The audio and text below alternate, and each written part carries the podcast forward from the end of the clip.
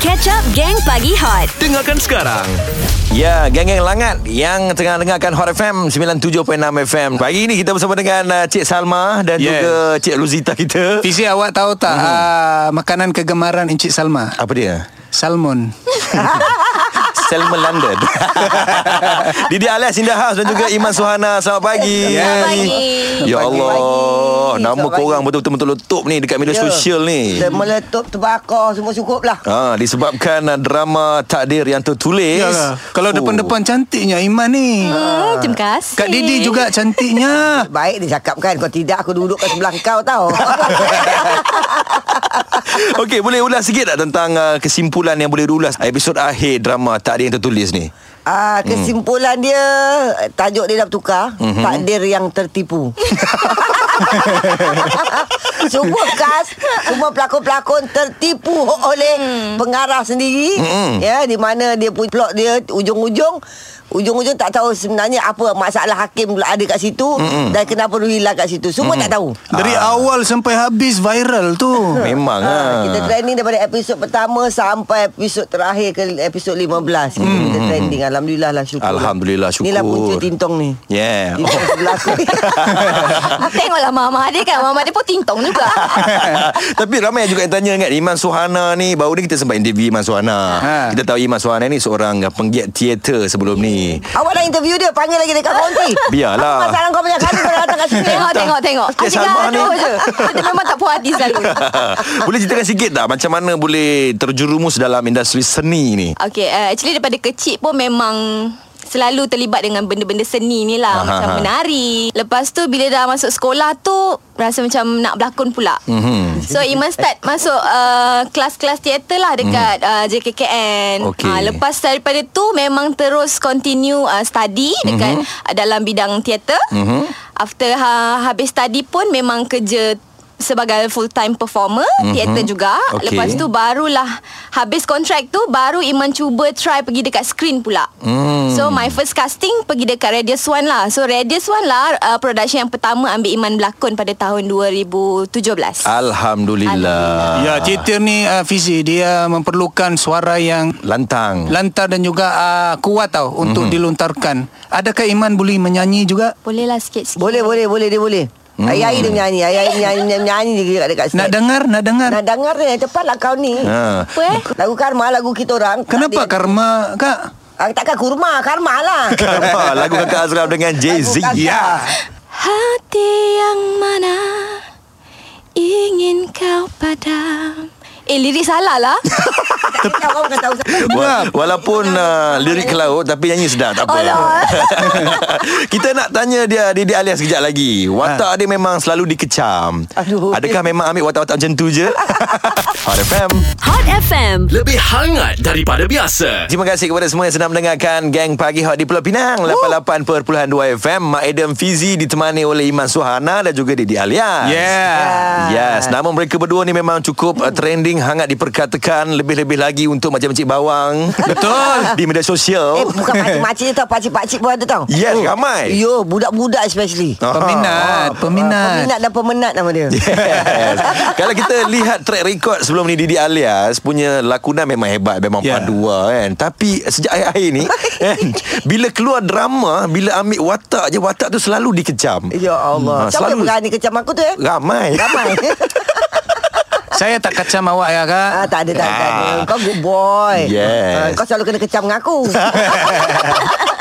Adakah memang sengaja memilih watak-watak sebegini? Ah, kebetulan ku hmm. Mana selalu orang tengok cerita lawak Lawak lawak So Okey. okay. Izzat pun ah, Pengarah sendiri kata hmm. Mami ah, cerita ni aku buat untuk kau hmm. So kata kita pun baca lah Kata kau biar betul ni ah, eh, Nak buat cerita ni untuk ni kerjakan aku ni Tapi sebenarnya cerita ni biasa je hmm. Nak ikutkan pacing dia Antagonis dia tak adalah heavy antagonis hmm. Tapi oleh kata kerana melibatkan kanak-kanak kan Yeah. Lepas tu cerita tu pula Mhm. Dia orang tak boleh nak kecam mami sepenuhnya Pasal mm-hmm. dia nak kecam dia Kita twistkan balik mm-hmm. Untuk dia orang gelak untuk ataupun dia orang senyum. Betul. Ah, mana tak jadi macam kau ni. Kau tengok ke tidak? Eh, terima kasih lah tengok. Ah, kau kau macam mak kau Gila tengok ke tak tidak? tengok. Tengok, tengok. Oh. Ah, jangan tengok, tengok kau. Tengok. Kau jangan main-main lah, tak tengok aku balu. Satu-satu lah. lagi yang saya suka Aha. dengan uh, Kak Didi ni, Aha. dia punya pemakaian Fizi. Ini adalah Lady D Malaysia. Le- Lady Gaga. Bukan, Lady D. Oh, Lady Di. Lady Didi. Okay. Okey. Ada satu hari tu dia uh, berjalan lah dengan kawan dia. Okey. Saya panggil Didi and Friends. Dia tak boleh kenakan aku tau Daripada hari tu Kau tunggu aku tengah simpan peluru ni mak ah, yang macam Iman ah, Nama Iman ni Semakin hari semakin Meningkat naik ya Semakin sebelum ni disebut-sebut. Ya. saya tak kenal dia Fizi. Lepas drama tu baru saya tahu dia, yang si Iman ni sangat berbakat kan. So apa plan seterusnya Iman?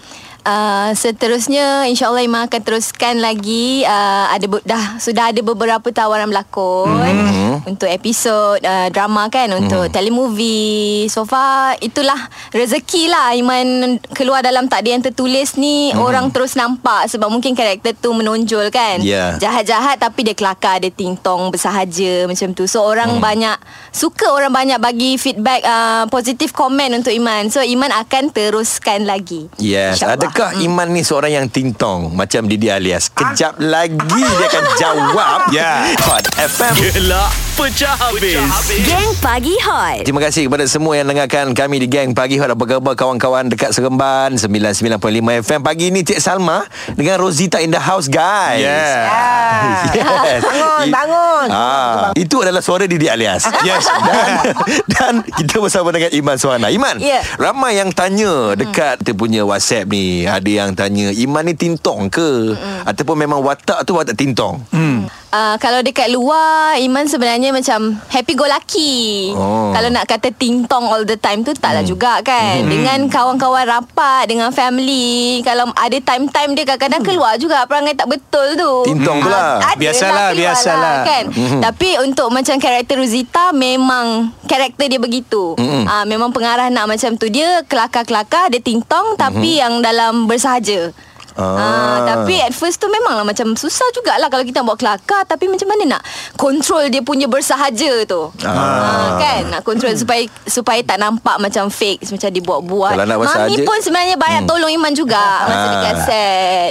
Terima Fuh. kasih Mami. Tapi nampak korang betul-betul ada chemistry eh. Ya sebagai uh, kan Anak dengan mak hmm. Ada uh, setengah artis Untuk membina chemistry ni Kena keluar sama-sama Lepak hmm. Macam korang Macam Kamu ni pula Betul Mami Ada ada kan Ha, kan Ada juga yang nampak kikuk kan Ha. Marah Tapi korang berdua ni memang Nampak macam betul-betul Mak dengan anak lah Betul Ya. Nampak dia punya serasi dia Ha. Ah, serasi. Iman rasa ni lah sebab Mami dia Walaupun dia dah lama Tapi dia sangat humble Dia sangat hmm. memberi Dia senang Senang Macam mana lah Senang nak bekerja ngam. Senang nak ngam Betul Ha. betul tu Fizi Even, ha, Sebab sekarang ni saya Kita ada program baru Fizi Kat TV3 Hmm. Okey. Ah, Nama program ni Family Duo Hmm. Ah, Mami ni memang seronok Ah, Off and on kamera Dia Ah. memang seronok Dan Memang. senang bekerja sama Ah, kejap lagi nak tanya pasal family duo. Ya. Okey, macam mana mami kerja dengan mak Eh. ni? ha, Itulah dia Banyak yang aku nak kerja dengan dia Hot FM. Lebih hangat daripada biasa. Kita bersama dengan uh, Iman Suhana dan juga Didi Alias. Yes Fizi Ah, Seperti apa yang saya cakap tadi Hmm. Okey. Kita ada program baru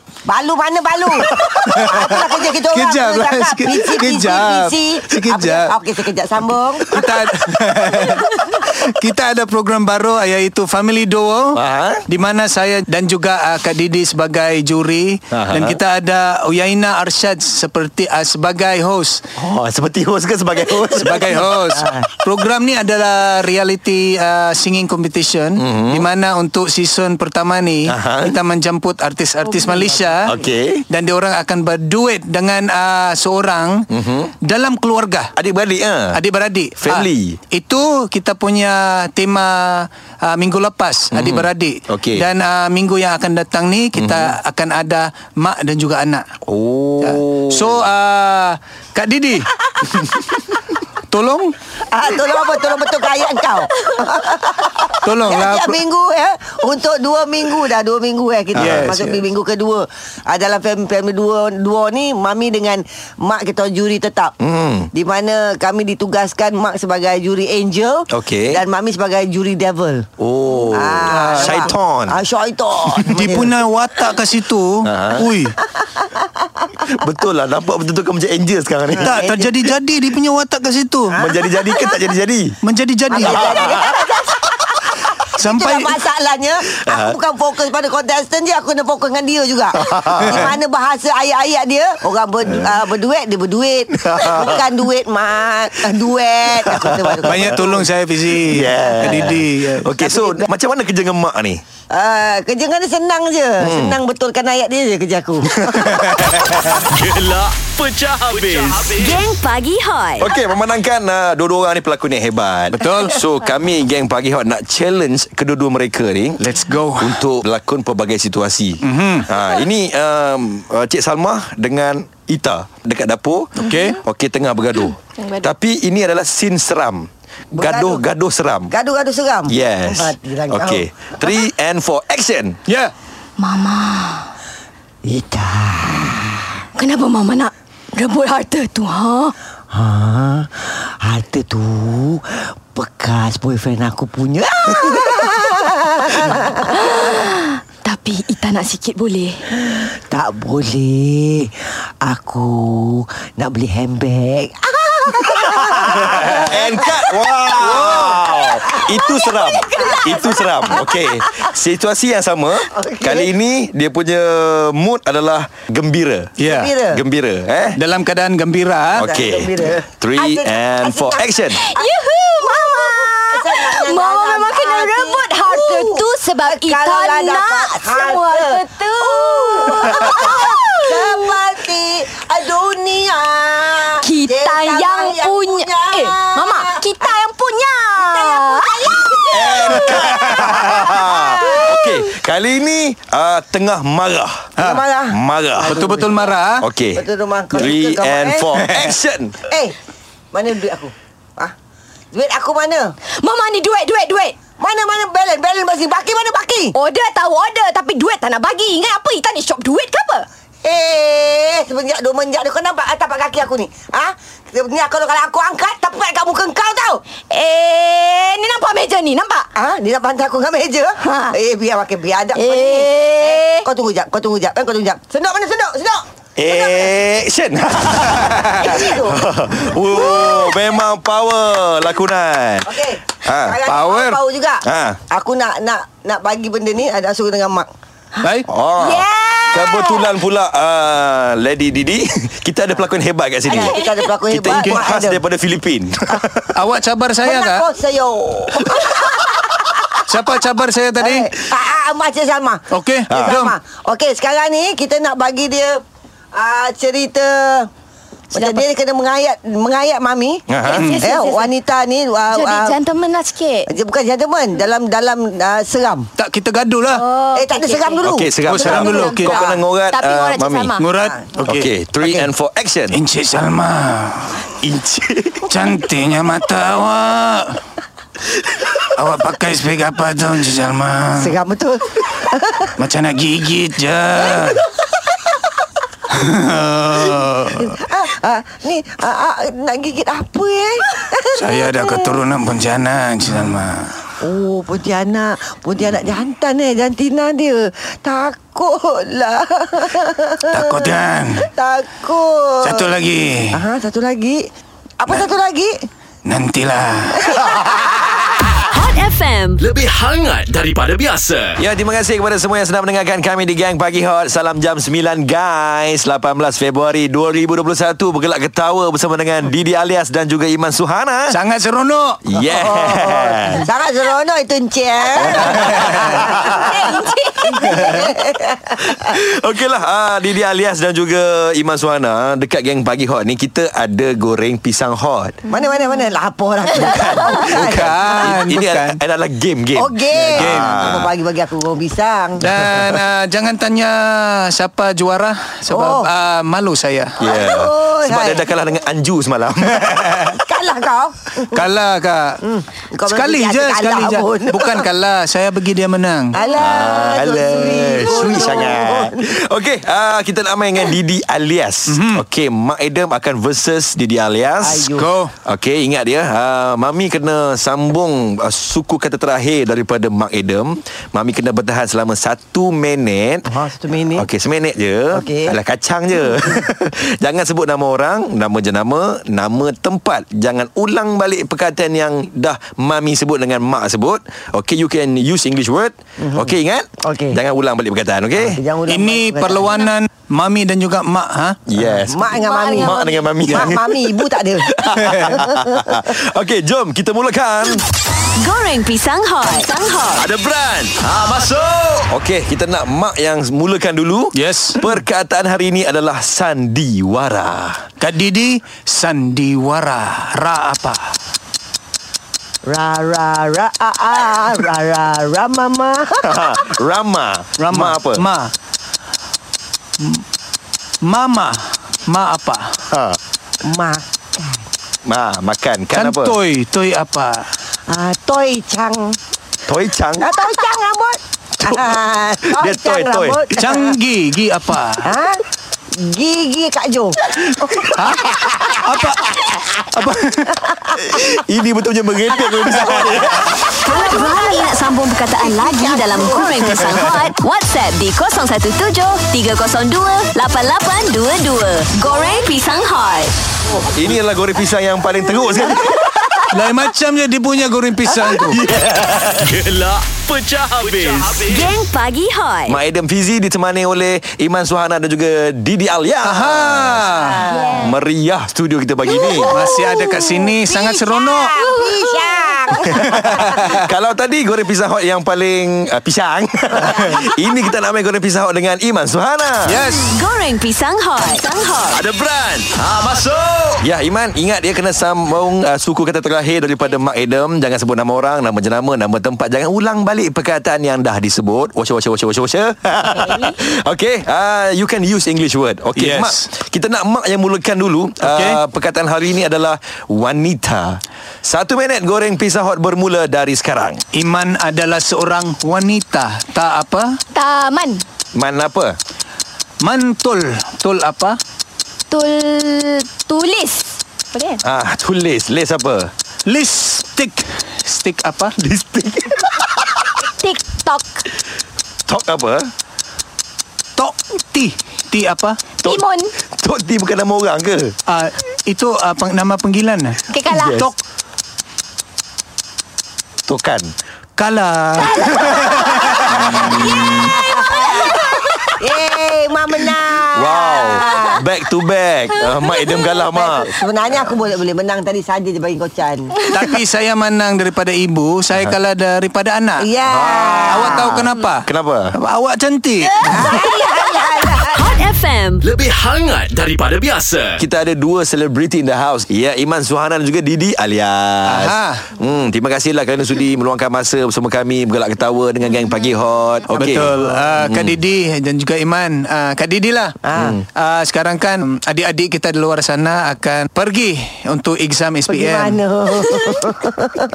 Menduduki SPM. Ah, Ah, dia menduduki orang SPM. akan menduduki SPM. So ada tak uh, kata-kata advice Yes. kepada mak-mak anak-anak? Ah. Mak-mak anak-anak. Fizi cuba terangkan kat kata Fizi. Untuk mak-mak yang nak hantar anak Untuk Betul. SPM Pasal Ah. ha. dia orang dapat dugaan rintangan sebelum ni kot. Betul. Mhm. Ah, Student-student pelajar SPM saya pun mm-hmm. sebagai ibu lah mm-hmm. kepada semua mak-mak kat luar sana tu you you all kenalah bagi semangat sepenuhnya kepada anak-anak. Mhm. Mm-hmm. Make sure jangan kasi diorang terlampau stres pasal dah, masa dah panjang sangat untuk diorang nak ambil exam ni Betul. Mhm. daripada last year sampai sekarang ni. Mm-hmm. So doakan mereka. Amin. Ah, doakan mereka itu yang paling terbaik untuk uh, untuk anak-anak lah. Mhm. Yes. Ah, Itu saja nasihat. saya. Doakan anak-anak. Doakan untuk anak Ibu tu mendoa untuk anak-anak Okey. ha, Semoga uh, Diorang ni tenang. Ah, Okey insyaAllah Amin. Hmm. Bukan duduk doakan untuk kau buat apa.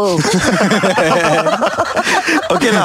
Uh, Iman Suana mungkin ada kata-kata last word kepada pendengar-pendengar Hot FM, especially peminat-peminat Iman Suhana. Yes Hmm. Kepada semua yang memberi sokongan kepada saya Terima kasih saya ucapkan um, Terima kasih sudi Hmm. terima saya dalam bidang ini um, Terus support career saya Moga saya lebih maju di masa akan datang Thank you semua Happy-happy selalu Uh, Oh. boleh follow kat mana? Instagram, Twitter. Ah, boleh follow di Instagram Iman Suhana Mhm. ha, jangan lupa apa dia. Satu lagi saya nak beritahu kepada semua peminat setia saya dan juga Mak Adam, Mhm. Aha. pastikan jumpa kami di Family Duo hari Ahad ini ah, jam 9 malam. Mhm. Kau nak tengok apa jadi dengan Monster Juri. Oh, Okey, ah, Kak Didi. Ya. Kata-kata semangat kepada saya sebagai penyampai uh, Hot FM baru. Wow, dia minta kat kita lah. Minta Ah. ini, kat kita. ini hari keempat dia bertugas tau. Ya ke? Ha.